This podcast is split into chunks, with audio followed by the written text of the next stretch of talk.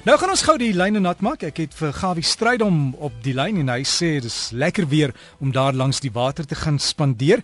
Gaan jy vandag bietjie lyne nat maak, Gawie, môre? Derry, goeiemôre en goeiemôre luisteraars.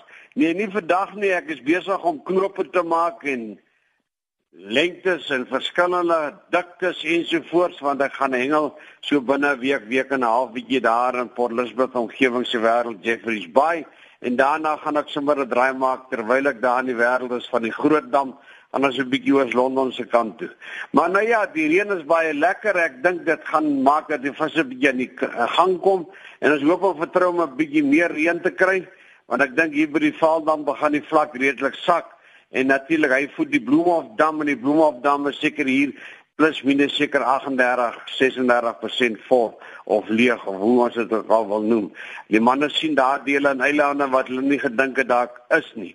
Maar ja, terwyl die weer so swaar is, wees gewaarsku, pas op as jy hengel met grafiestokke, ek en Ja, Derek het die gesels met die weer wat swaar is. Party mense lê plat en kruip rond, is baie bang. Nou ja, miskien beter bang Jan as dooie Jan, maar grafietstokke kan baie gevaarlik wees. Sit hulle neer, as die weer swaar is, moenie hengel nie.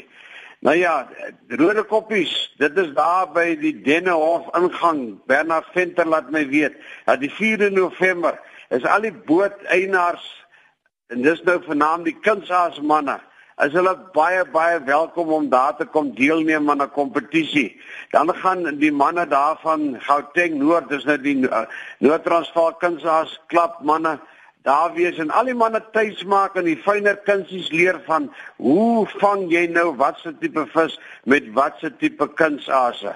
Nou ek sal in my lewe dit nooit wil misloop nie.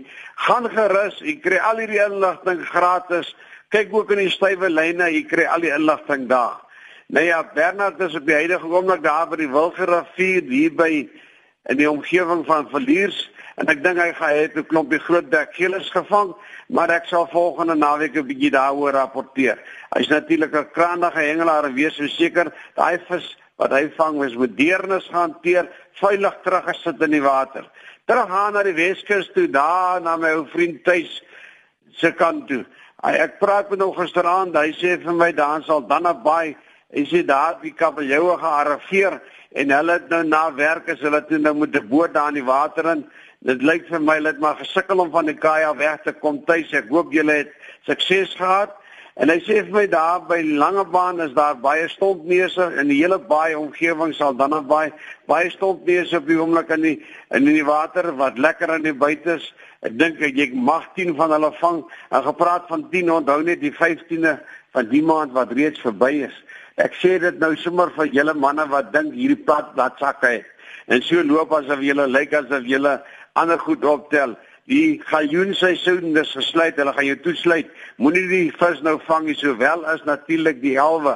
Want dit is mos nou die tyd van die jaar wanneer hulle lekker vet is en so lekker byt. Nee, nou mag jy hulle nie vang nie. Hulle sal een van die dae weer oopmaak. Nou ja, geelstert is weg. Daar die Weskus uit, hulle is daar na die Kaapse kant te beweeg, maar hulle verwag dat hulle gaan so 'n bietjie oor 'n week of twee met die weer wat verander, gaan hulle teruggedraai weer na maak. Die water is op die oomblik bietjie baie koud en die laaste weke daar 'n paar mooi snoeke uitgekom daar by Eysterfontein, die manne wat daar uitgegaan het. Een boot het seker so plus minus 300 ingehaat. Dit is almal die see en toe het hulle maar seker weer elkeen so 15 20 gekry. Nou 15 20 snoek is baie mooi snoek in elk geval. En een van George sê vir my dat dit dit gister daai oggend hulle baie gereën. Soveel so ek verstaan Meyerspoort is toe dalk as hy weer oop. Nou ek het 'n hele paar keer in my lewe daar deur daai riviertjie op die pad kruis daai rivier seker iets in die 20 kere. Nou is dit by een plek toe mens met die weet hy's by al die plekke toe ons hoop hy's weer oop dat jy die kort pad kan vat. Nou hy sê vir my verlede week het hulle toe nou lekker gehengel. Hy sê daar by Grootbrak in die omgewing, hy sê toe is daar 'n reuse kabeljou gevang. En nou toe jy op die kant kom hier naby twee robbe die kabeljou gegryp en so 'n bietjie vir 'n weer. Hy sê maar hulle het hom toe geweeg die deel wat oor is. 72 kg. Nou onmenslik vreeslik groot. En daar word ons baie se wêreld is daar ook twee baie grootes gevang as 'n paar steenbrasse wat uitgekom het. En hy sê die wind het natuurlik verlede Saterdag 'n bietjie laat begin waai. Engelaar wil dat nooit sê dat die wind moet waai soos wat hy dit wil hê nie. As hy oos is dan wil hy hom wes en dan moet hy die water gemmebuur maak en so voort. Aan die Oos-Kaap het die kabeljoue die laaste week of twee baie gebyt. Daar is 17 groot kabeljoue gevang tot so 30 toe kilogram plus ensovoorts. Ek vra weer al hierdie groot visse sit hulle asseblief terug. En die water is nou vuil en dan die skeertand daai gaan nou begin byt sowel as ook die platvisse. Hierdie week gaan die manne bietjie na Namibië toe, daar na die Gaskolner kompetisie wat Namibië die gasheer is. Nou Gaskolner was 'n baie man wat 'n man wat baie diep spore getrap het in sy Afrikaanse hengel jare terug oorlede. Hy was lank was hy president van die organisasie gewees. Goeie werk gedoen en die kompetisie is na hom genoem van daardie Gaskolmer kompetisie vir al die spanne en vriende en wat reeds op pad is en gaan dis die senior spanne die president spanne die meester spanne die grandmaster manne die manne van Namibië die vroue spanne baie sterkte. Ek hoop julle vang baie vis. Die week oor 2 weke terug in Sodwana Bay dan gaan die ou IT e dis die kompetisie wat jaarliks aangebied word, gaan hy gehengel word en dan vang die manne hoofsaaklik natuurlik swaar snavelvisse.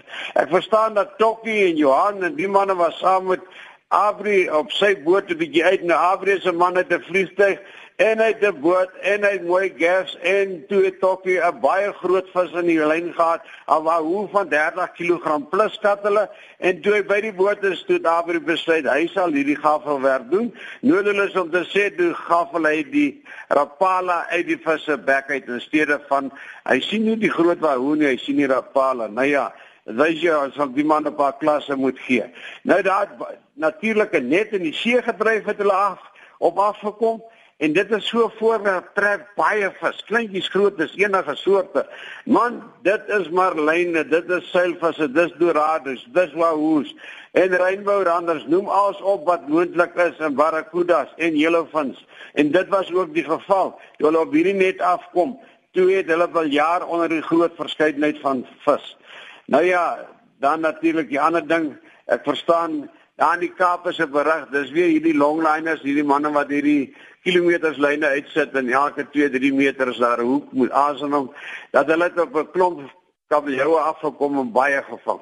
Dit is my baie verkeerd en ek hoop tog dat iemand kan eendag iets aan hierdie probleem doen, maar ons weet van julle En ons wil ook nie daai vis eet nie, want hulle sal nie lekker wees nie.